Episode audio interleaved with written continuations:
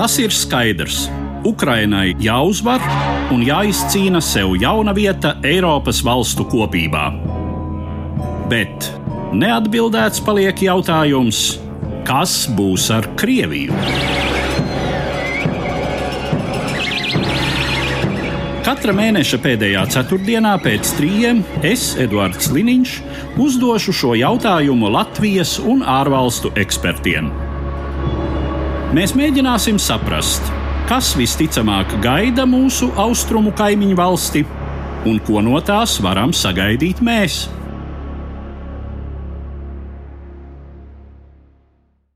Labdien, cienījamie klausītāji! Šodien izskan pēdējais aizajošā gada raidījums, kas būs ar Krieviju, un tajā es piedāvāju ieklausīties manos šī gada raidījumu sarunbiedros. Viņu atbildēs uz šo raidījuma titulu jautājumu, viņu viedokļos un prognozēs.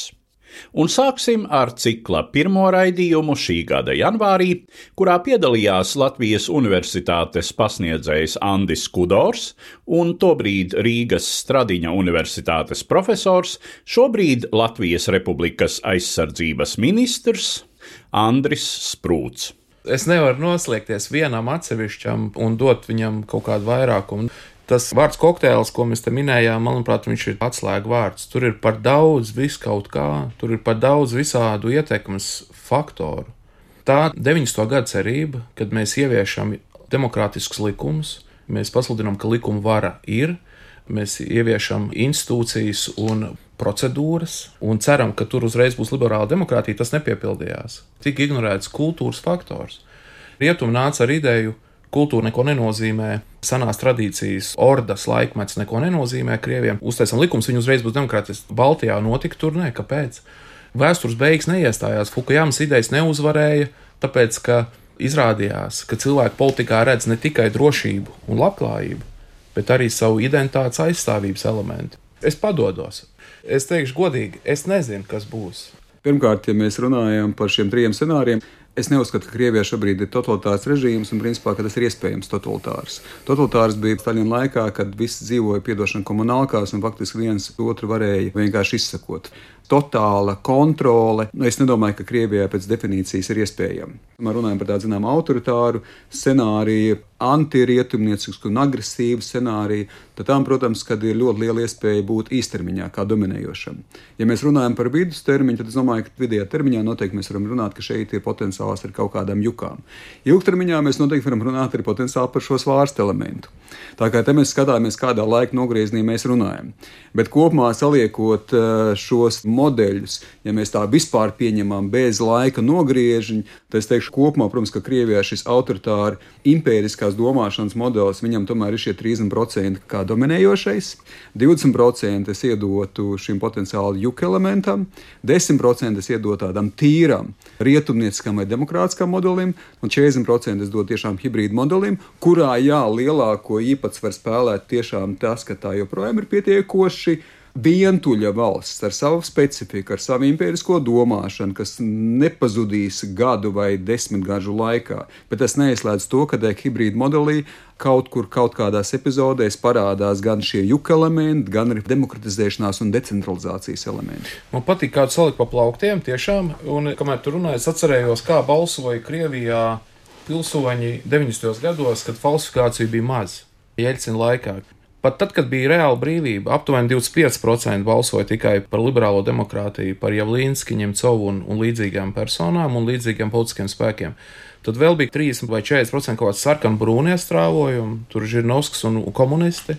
Un tad trešais es viņu sauktu par tādu ģeržavņikiem, kas vēsturiski ir tie paši slavofili ar zapatņikiem, kad cīnījās pie varas, bija ģeržavņiki, nebija ne slavofili, ne zapatņiki. Šie strāvojumi jau arī rāda to, ka ir šis hibrīdums, un tad visdrīzāk prognozēs tā idejai jāpaliek. Manas sarunbiedres raidījumā februārī bija divas Amerikas Savienotajās valstīs strādājošas Krievijas pilsoniskās sabiedrības aktīvistes. Fonda Free Russia Foundation juriste Jevģēnija Karamurza un šī fonda prezidente Natālija Arno. Jevģēnijas vīrs, pazīstamais cilvēktiesību aizstāvis Vladimirs Karamurza, tobrīd jau desmito mēnesi bija ieslodzīts Puķina režīma cietumā, un viņam tika izvirzītas arvien smagākas apsūdzības. Šī gada aprīlī Vladimiram Karamurzam tika piespriests 25 gadu cietumsots par dzimtenes nodevību. Но если рассматривать первый вариант Северной Кореи, мне кажется, что он настолько будет невыгоден никому, Ja apsveram pirmo Ziemeļkorejas variantu, man šķiet, ka tas būs tik neizdevīgs ikvienam. Protams, pašai Krievijai, bet arī visiem mūsu kaimiņiem, jo tas nozīmēs, ka viņi vienmēr eksistēs līdzās režīmam, kas var jebkurā brīdī uzsprāgt un atkal šķērsot savas valsts robežas un kaut kur iebrukt. Tas ir tik nērts variants ikvienam, ka man šķiet, ka tā iespējamībai jābūt vismazākai. Es vēlos tā teikt, jo jau atkal no daudz spēlētāju politiskās gribas tagad ir atkarīgs, cik liels spiediens uz režīmu tiks izdarīts arī turpmāk. Un es gribu ticēt, ka visi šie spēlētāji saprot, cik postoša šāda varbūtība būs mums visiem, ne tikai Krievijai. Otrs variants ir haoss. Haoss būs jebkurā gadījumā, arī ja režīms sabruks un valsts tiks celta no nulles, no drupām. Bet, protams, šī perioda ilgums būs atkarīgs no pūliņiem, kurus mēs veltīsim tagad. Tāpēc mēs cenšamies strādāt ar visām no apakšas tapušajām kustībām, kaut kā formēt šos cilvēkus, mācīt, izglītot, palīdzēt viņiem veidot savstarpējās saiknes, lai viņi būtu gatavi tam, ka mums būs iespēja. Viņi šo iespēju notvers, būs tur un būvēs. Tāpēc mēs cenšamies veidot šo sistēmu, mēs cenšamies viņiem visiem palīdzēt, cenšamies, lai viņi redzētu, ka viņi nav vieni, ka viņi ir daudz un ka viņi visi vēlas vienu - redzēt Krieviju kā нормалу демократическую власть. Что их много, и что они все хотят одного – видеть Россию нормальным демократическим государством. Латвия – отличная молочка. Я очень всегда скучаю по балтийским молочным продуктам. И, конечно, там на них написано срок годности такой-то, такой-то. Latvijā ir lieliski piena produkti. Man vienmēr pietrūkst Baltijas piena produktu. Un, protams, uz tiem visiem ir lasāms noteikts derīguma termiņš. No vēstures mēs zinām, ka visi diktatori ir mirstīgi. Visi diktatoriskie režīmi agri vai vēlu krīt. Putins neaprēķināja, ka ar savu plaša mēroga iebrukumu Ukrainā viņš ir saīsinājis savu derīguma termiņu. Visi procesi ir daudzkārt pastiprinājušies un sāsinājušies. Kādam laikam viņam vēl noturības rezerve ir, var kaut kā apiet sankcijas, var pārvirzīt eksporta plūsmas, kaut kā tikt pie naudas. Teiksim, ja runājam par šo gadu, tad droši vien iespēja varētu būt 50 pret 50. Bet pēc tam tā ruks arvien mazāk un mazāk. Es īsti neticu Krievijas sabrukuma scenārijam un neticu arī, ka šis režīms var pastāvēt visu manu dzīvi. Es saprotu daudzu to starp mūsu rietumu partneru skepsi, bet mēs, demokrātiskie Krievijas pilsoņi, mēs nedrīkstam neticēt, mums jābūt optimistiem. Mums ir jāredz trajektorija virzībai uz demokratizāciju, jātiecas uz turieni, jāizstrādā ceļvedis šīm reālajām pārmaiņām un vienkārši jādara. Mums vienkārši nav citas izvēles. Pat ja visi apkārtējie mums netic, mums jāpierāda, ka nē. Tā noteikti būs. Es ticu, ka ar Krieviju viss būs labi.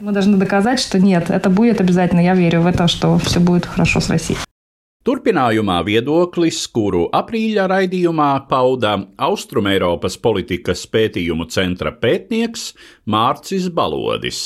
Pat ja pieņemsim, Krievijā notiek kādas straujas jūkas un kāds demokrātisks režīms izveidojas. Šeit ir pirmkārt jautājums, ko arī Krievijas eh, opozīcija, kas atrodas faktiskā trimdā, ko viņi reizēm uzdod, proti par to, cik ilgi Krievijas sabiedrība būtu gatava dzīvot nu, nosacītā haosā. Pie kā novestu kaut kādu demokratizācijas mēģinājumu. Pēc viņa paša aplēsiem tie būtu vien pāris gadi, un pēc šiem pāris gadiem atkal parādītos vilkme pēc stingrās rokas, kas ir gatava ieviest kārtību un mieru. Tāpēc jārēķinās ar to, ka Krievijas šāda režīma maiņa ir paudžu tiešām jautājums, un līdz ar to ir, diemžēl, bet jāgatavojas tam, ka ar Krieviju agrāk vēl būs jārunā. Taču tam ir jānotiek pēc stabilām, pēc stiprām pozīcijām, bez, teiksim, piekāpšanās tikai dialogu vai mīļā miera labad. Taču, skatoties, es domāju, jo tālāk ilgtermiņā dodamies, jo, domāju, jo lielāka iespēja, ka parādās šādi dažādi scenāriji, kaut kāda kombinācija vai hibrīds modelis. Jo gal galā Krievija ir milzīga valsts ar dažādiem strāvojumiem, dažādām interesēm, ne tikai reģionāli, bet reizēm pat lokālā mērogā. Taču es domāju, šī demokratizācija būtu izteikti ilgtermiņa prognozes par to, kādu dienu tas notiks. Taču tā ir raugoties vidējā termiņā, tā būtu režīma iecementēšanās, kas vienlaikus iet roku rokā ar mūždien pastāvošu juku koeficientu, ja to tā var nosaukt. Un režīma mēģinot balansēt pašam savas stiprās un vājās puses, mēģinot nodrošināt režīmu izdzīvošanu. Taču no apakšas vienmēr gruzdot kaut kādai um, demokratizācijas tendencei, kaut kādai sabiedrības daļai, kura nav īsti mierā ar notiekošo un kura meklē to izrāviena punktu vai to impulsu un katalizatoru, kas varētu piešķilt uguni pakulam. Prelūdija un domājams nepieciešams priekšnoteikums Krievijas plaša mērogā agresijai pret Ukrainu pagājušā gada februārī bija Baltkrievijas pārņemšana savā kontrolē. Sarunu ar laikraksta diena apskatnieku Andi Sedlenieku veltīju tam, kas varētu notikt ar Baltkrieviju. Tas ļoti daudz būs, kā jau mēs runājām, atkarīgs no situācijas Krievijā. Ja karš Ukrainā tiks iesaldēts vai kā, tad nu, mēs varēsim būtībā gaidīt, kamēr uh, Lukašenko beigs savas šīs zemes gaitas tam paredzētajā ceļā un veidā un, un aizies aizsolē ar visu tam paredzēto militāro godu. Pēc tam tad visticamāk ir, ka šādā situācijā tad arī Krievijai tuvu stāvošie ļaudis bez kādiem pārmērīgiem satricinājumiem pārņems varu. Tas ir jā, konflikts vērsīsies plašumā un paliks Krievijai aizvien nelabvēlīgāks, tas jau pavēr ievērojamas iespējas Baltkrievijas opozīcijai. Kaut gan tur atkal ir ļoti strīdīgi, tur ir jautājums par to, cik lielā mērā šie cilvēki ir gatavi riskēt. Jo nu, ir jāsaprot, ka, ja tu atgriezies dzimtenē, tur arī tevi var nesagaidīt ar ziediem. No austrumu puses arī var nosēsties lidmašīnas ar cilvēkiem, kas ir specializējušies. Tāpēc man ir ļoti grūti pateikt, kurš tieši. Bet es tā iedomājos, ka pamatā tam tomēr būtu atkarīgam no kara darbības Ukrainā, kas tieši ietekmē situāciju Krievijā. Tad jau ir jāiesaistās spekulācijās savukārt par to, kā un jā un vai, bet es neesmu tieši militārais eksperts, es vairāk par tendencēm, par politiku un tā tālāk. Bet mēs, protams, varam cerēt, ka Baltkrievija būs vairāk vai mazāk demokrātiska valsts, un jā, ko tur liekties, mēs esam ieinteresēti. Mēs Latvijā kā valsts mēs esam ieinteresēti, lai mums blakus pie robežas būtu kaut kāda stabila prognozējama teritorija. Mums ir arī ekonomiskās intereses, nenolieksim. Tātad sauksim lietas īstajos vārdos. Es domāju, ļoti daudz Latvijas uzņēmēju labprāt tur redzētu savu biznesu attīstīties. Tas visiem būtu labi. Jā, tā ir skaitā Baltkrieviem. Šī gada vidū šķita, ka teju teju Krievijā pat tiešām varētu notikt kāds liktenīgs pavērsiens – kad vasaras saulgriežos Dumpi sarīkoja privātās militārās kompānijas Vāgnera grupa dibinātājs Jevgeņijs Prigožins. Kā zināms, Kremļa režīms šai gadījumā tika cauri ar izbīli, bet pats Prigožins dažus mēnešus vēlāk gāja bojā, lidojuma laikā eksplodējot viņa privātajai lidmašīnai. Ka šai sāgai būs tieši tāds iznākums, gan vēl nebūtu nebija skaidri noprotams jūlijā, kad Krievijas nākotni prognozēja Vācijas Maršala fonda Savienotajās valstīs ziemeļu novirziena vadītāja Kristīne Bērziņa. Kā nākamais solis noteikti ne pēkšņa demokrātija. Pēc manām nomām Krievijā arī tie kara vadoņi, kuri vēlētos pārmaiņas, nevēlas hausu, jo hausā ir lieli zaudētāji.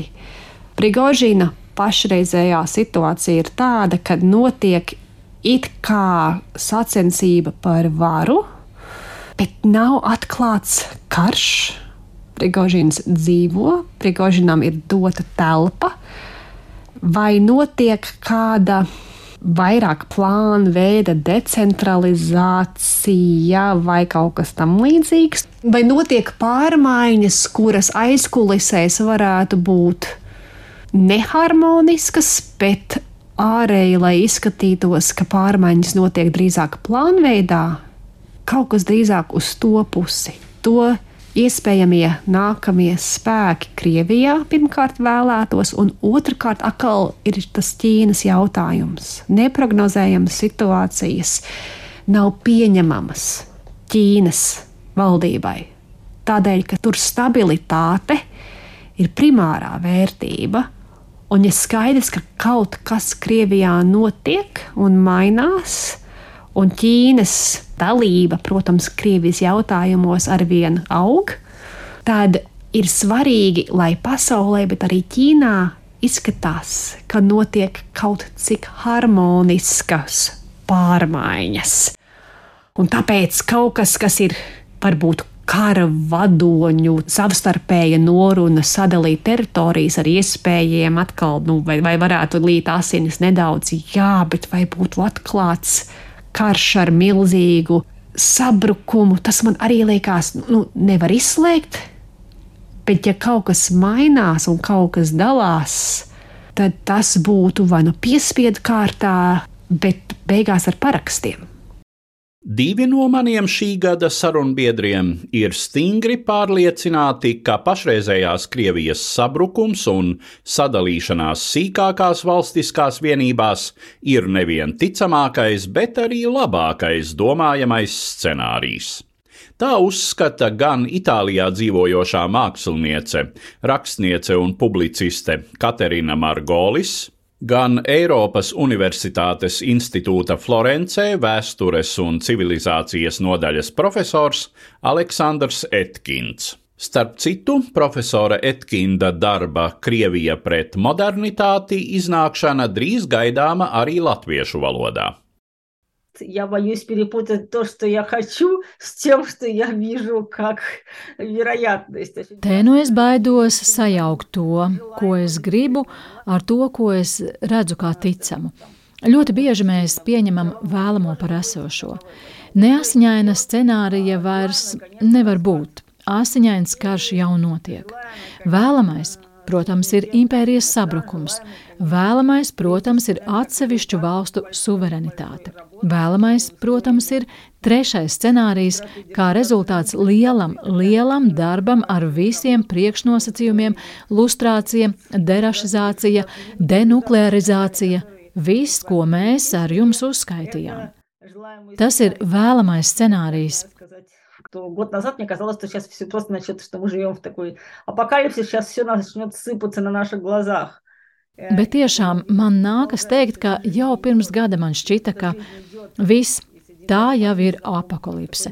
Tūlīt mūsu acu priekšā viss sāks brukt. Bet, kad es redzēju, ka dzīve turpinās un pat starp maniem draugiem veidojas tāds jauns Krievijas konsens, Karš ir kā stihiska nelaime no ārienes, kas mūs ir piemeklējusi, kas gāžas mums pāri. Es redzēju, kā cilvēki paši sev atņem subjektiskumu, arī režīmu pretinieki. Notiek brīvprātīga aiziešana noliegumā. Tas, protams, var būt faktors, kas to visu krietni ievilks. Man ļoti gribētos redzēt pārmaiņas savām acīm. Es to gribu, tāpēc es ceru, ka šī prognoze ir pati ticamākā, bet es viegli varu kļūdīties. Sevišķi tāpēc, ka mēs dzīvojam vēsturiskajā laikā, kas pastāvīgi pātrinās. Несмотря на то, что живем в, в, в эпоху ускоряющегося исторического времени. В общем, да, это грустная доля, что если ты начнешь давать прогнозы, то потом тебя уже начинают спрашивать вот а, дальше и дальше. Tas ir tāds skumjš liktenis. Ja tu sāc izteikt prognozes, tad tev sāk jautāt ar vien vairāk un vairāk, un tu pārvērties par tādu zīlnieci. Es esmu vēsturnieks.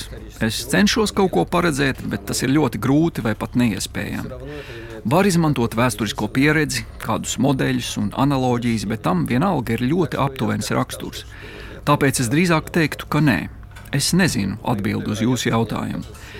Visticamākais man šķiet, un es par to esmu daudz rakstījis un runājis, ka Krievijas federācija neizturēs šo karu, ko tā pati ir izraisījusi, un tā tiks sodīta.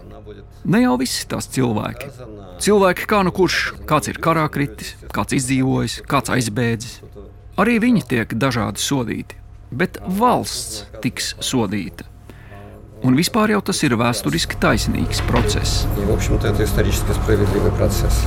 А государство должно измени- измениться, как говорится, претерпеть изменения. Valstī ir jāmainās, kā saka, jāpārcieš pārmaiņas.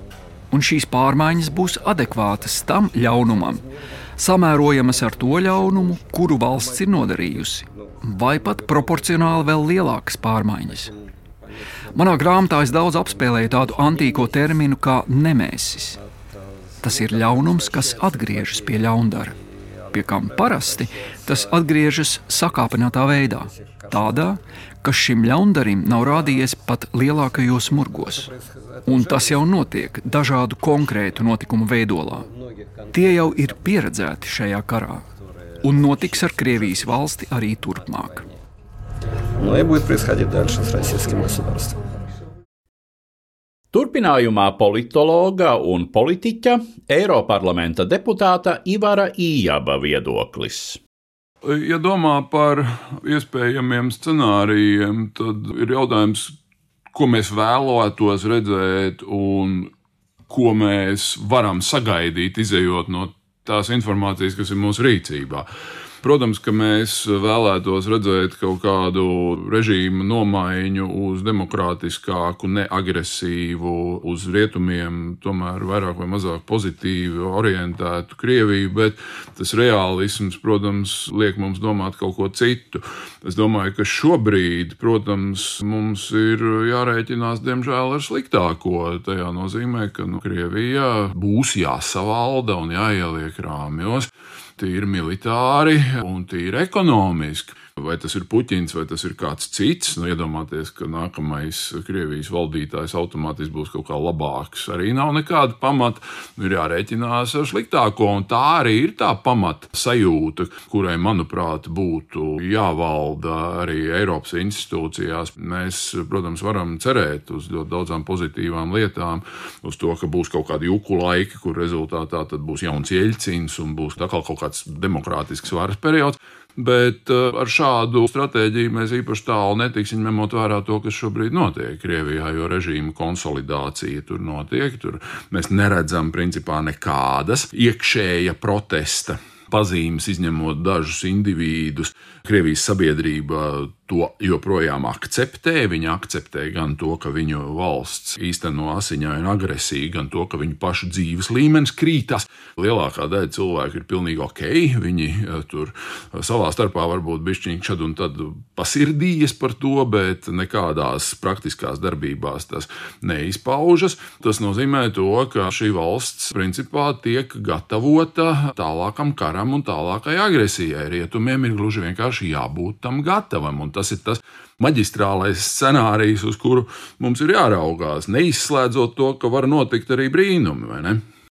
Gadam tuvojoties noslēgumam, kļuva skaidrs, ka izšķirošie Ukrainas bruņoto spēku panākumi, uz ko tā tika cerēts gada sākumā, tuvākajā laikā visdrīzāk izpaliks. Karš prasa ar vien jaunus upurus, Kremļa režīms izdomā ar vien jaunus paņēmienus kara darbības pārvēršanai ilgstošā resursu izsmelšanas cīņā, kurā šim režīmam, vismaz pašreiz, ir priekšrocības. Zināmā mērā šī situācija neizbēgami ietekmē arī skatījumu uz Krievijas nākotni. Turpinājumā mana oktobra raidījuma sarunbiedra, ģeopolitikas pētījumu centra direktora, Vidzemes augstskolas prorektora Māra Anģāna viedoklis. Es atceros, ka karš sākās arī tajā rītā. Man arī Latvijas radio vaicāja, nu, vai tas varētu novest pie Krievijas, kā mēs to zinām, beigām, vai Putina režīms varētu krist, un toreiz instinktīvi atbildēja, ka nē diez vai tas eh, vedīs Putina režīmu uz beigām, un, diemžēl, te prognozē turās. Pavotiem runājot, domāju, tādi ir diezgan daudz. Nu, viens, cik daudz vispār ir demokrātijas bijis Krievijā. 90. gadi arī nu, bija salīdzinoši vēl brīvība 2000. gadu, pirmā desmitgada, un tad pakāpeniski jau tika piegrieztas skrūves. Nonāca tik tālu, ka pilsoniskās sabiedrības kā tādas nav. Opozīcijas nav, ir opozīcija vairāk kā tādi aktieri vai Lelles komunisti, Nelaid Žirinovska partija, vēl citi kas nav pilnvērtīga opozīcija, kas spētu kaut ko ietekmēt. Augstais Navaļnijas nesen vēl uz 19 gadiem ielicis cietumā, faktiski līdz kādiem 30 gadiem laikam pagarināts viņa cietumsots stingra režīma kolonijā. Karamurza arī nesen opozicionārs 25 gadu cietumsodu saņēmis, daudzi ir aizbēguši prom, un līdz ar to nu, nav tādu instrumentu, ko saliedēties citādi domājošiem, un nu, vēl viennozīmīgi arī pātagi ārkārtīgi spēcīgi drošības dienesti, kas sabiedrību pieskata. Veids masveidīgus arestus. Nevar izslēgt nekādus scenārijus, bet pirmais variants, ka Putina režīms turpinās ar viņu šobrīd un perspektīvā nododot varas grožus kādam citam, ka tas turpināsies. Protams, Krievija var pakāpeniski mainīties, tā var kļūt gan autoritārāka, gan arī var parādīties kādas plašākas vietas izpausmē arī pilsoniskai sabiedrībai, bet tik tālu, kamēr Krievijas elite redzēs, ka Krievija iet tās iecerētajā virzienā. Un visbeidzot, mana novembra raidījuma sarunbiedra, politikas eksperta Kārļa Daugšta redzējums. Krievijā valdīja atsevišķa zemļiedelē. Es neprotu pareizi iztulkot latviešu.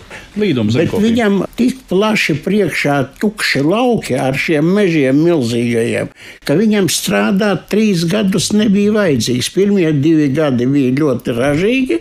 Viņš saņēma, izpumpēja to zemīti, gāja tālāk, nocirta atkal, nodedzināja, pelnos iemet, atkal trīs gadi bija normāli. Un tāpēc arī radās psiholoģija, ka var paņemt. Nevis iedot, kā Japānis tur nesa ar kurvīti to zemīti, bet gan paņemt var, jo to ļāva plašā, milzīgā mežu bagātība. Geogrāfija tomēr, lai kā tas arī nebūtu, ļoti spēcīgi ietekmē cilvēka un tautas šīs apdzīvotās kopienas psiholoģisko, morālo un arī ētisko struktūru. Un piebildīsim, tad vēl vienā brīdī atklājās, ka tai zemītē iekšā ir arī nafta un gāze. Un ko tad vairs vairāk vajag? Jā, tā tas ir. Manā uztverē vēl gadus desmit būs tāda pati lēna materiāla krājums. Tālāk prognozēt nav iespējams vai nu uz vienu pusi, vai nu uz otru pusi. Protams, ja viens no apvērsumiem var būt tāds, kurš vēl atnesīs daudz sliktāku par Putinu uz laiku, jukas. Tās ir ļoti bīstamas arī Latvijai. Un tāpēc es tā ļoti uzmanīgi skatos un analizēju notikumus Krievijā. Līdz ar to izskan mūsu šodienas raidījums, kurā ieklausījāmies atbildēs kādas uz jautājumu, kas būs ar Krieviju, aizejošā gada laikā deva raidījuma viesi. Dzirdējāt Latvijas Universitātes pasniedzēju Andi Kudoru, Latvijas Republikas aizsardzības ministru Andris Sprūdu, ASV fonda Free Russia Foundation prezidenti Natāliju Arno un šī fonda juristi, pazīstamā cilvēktiesību aizstāvja un politieslodzītā Vladimira Karamurzas sievu Jevgēņiju Karamurzu, Austrum Eiropas politikas pētījumu centra pētnieku Mārci Balodi, laikraksta diena apskatnieku Andi Sedlenieku, Mākslinieci, rakstnieci un publicisti Katerīnu Margolis, Vācijas Maršala fonda Savienotajās valstīs ziemeļu novirziena vadītāju Kristīni Bērziņu, Eiropas parlamenta deputātu Ivaru Iebu, Eiropas Universitātes institūta Florencē vēstures un civilizācijas nodaļas profesoru Aleksandru Etkindu ģeopolitikas pētījumu centra direktoru, Vidzemes augstskolas prorektoru Māri Anģānu un politologu, vēstures zinātņu doktoru Kārli Daugštu. Uz redzēšanos mūsu cikla raidījumos nākamgad. Raidījumu Kas būs ar Krieviju? Podkāstu formātā, klausieties arī Latvijas radio lietotnē un visās populārākajās audio straumēšanas platformās. Kas būs ar Krieviju? Neizbēgamie jautājumi un iespējamās atbildes par mūsu austrumu kaimiņu valsts nākotni. Katra mēneša pēdējā ceturtdienā pēc trījiem Latvijas Radio 1.